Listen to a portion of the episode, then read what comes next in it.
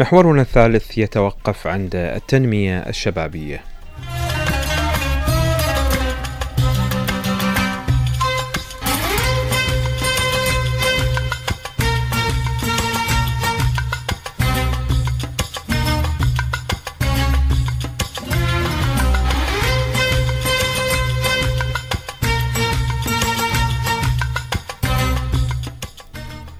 تنمية الشباب آه، تكون من خلال آه، تنمية روح الجماعة لديهم. لذلك حقيقة آه، أشير إلى الكثير من المبادرات المجتمعية الشبابية اللي تشتغل اليوم بالبصرة مثلا اللي بيها روح الجماعة. مثلا لنجعل من بصرتنا نظيفة يعني هكذا. أو مثلا جماعة البصرة الخضراء يعني جرين بصرة أو كذا. هؤلاء يشتغلون بروح الجماعة مو بروح الفرد. هذه روح الجماعة تؤسس لغرس منظومة قيمية لديهم تعمل على بناء آه، المنظومة المجتمعية بشكل أوسع ومن ثم تنتقل من هؤلاء المجموعة لكي تجذب مجموعة أخرى تنتمي إلى هذه المجموعة أو تؤسس مجموعة آه، جديدة. في مجالات أخرى في مجالات التشجير في مجالات التنظيف في مجالات تطوير قدرات الأفراد في مجالات تطوير قدرات الشباب إلى آخره. فلذلك آه، طبعا هو التنمية الشبابية تتضمن كثير من من الممارسات من ضمنها مثلا الدعم الحكومي لفئة الشباب، دعم يعني كبير جدا يجب أن يكون من خلال القضاء على البطالة، من خلال توفير فرص العمل، ومن خلال زج الشباب في مشاريع تعاونية ومشاريع جماعية. لماذا؟ لكي تزرع فيهم طاقة تنموية وطاقة تنمية عالية. وبالنتيجة تخليص هؤلاء الشباب من الكثير من المشكلات التي قد يصدمون بها يعني في حياتهم اليومية. من خلال أنه شاب خلص دراسة مثلا على سبيل المثال وبدون آه، عمل.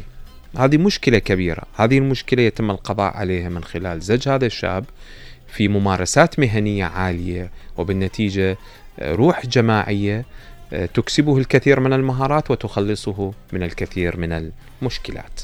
عبد الخالق كريم ومزيد من التفاصيل. تنطوي التنمية الشبابية على غرس منظومة قيمية يمكن ترجمتها في ترسيخ مفهوم الانتماء المسؤول إلى الجماعة من خلال الإعلاء من قيمة وأهمية فريق العمل. إنه التوجه نحو التوافق مع البيئة التي ينطلق منها الشباب حيث الانتماء إلى المجموعة الأكبر في المنزل والمدرسة وفريق اللعب والمجتمع.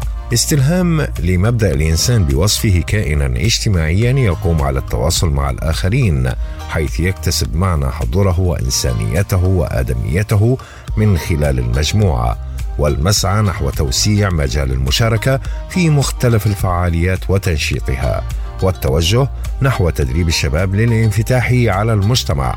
باعتبار إن الخبرات الأساسية لا يمكن الحصول عليها من خلال العزلة والانغلاق.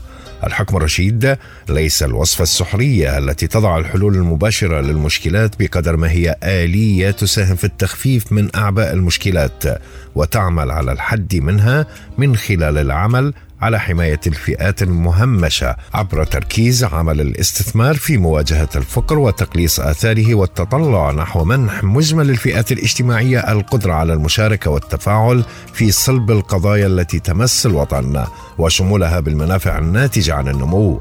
إنه العمل المشترك الذي تتصدى له مجمل المؤسسات الرسمية والمنظمات الأهلية بغية الكشف عن الأخطاء والملابسات من خلال تبني الأهداف الموحدة واللقاء ضمن مصالح مشتركة يتوافق عليها مجموع المؤسسات الإدارية والتجارية والثقافية والاجتماعية والسياسية. يمكن ترصد المزيد من القواسم المشتركة بين الحوكمة والشباب، هذا بحساب النظرة المتفحصة في القيمة المعرفية التي يقوم عليهم المفهومان، حيث سمه الانضباط تلك التي تميز منهجا ونظاما يراد منه استثمار الإمكانات المتاحة والمتوفرة بناء على الصحيح والسليم والذي يتمثل في الحوكمة وطاقة متجددة ومتفجرة تزدان بالحيوية والنشاط والفاعلية والحياة المستندة إلى الديمومة والخلق والابتكار والمتمثلة في الشباب. تحظر سمة الاستقلالية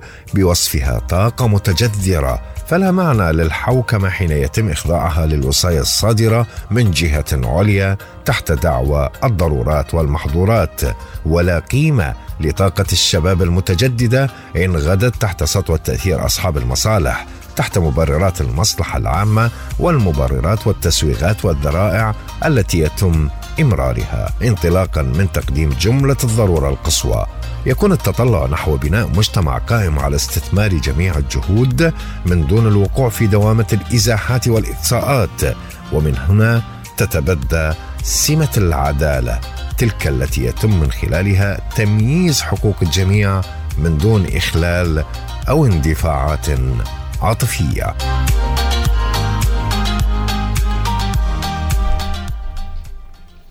إذا الاستثمار في طاقة الشباب هو أس هو مشروع أساسي لكل حكومة آه، رشيدة ولكل حكم رشيد لأن الحكم الرشيد لا يستقيم إلا باحتواء الشباب.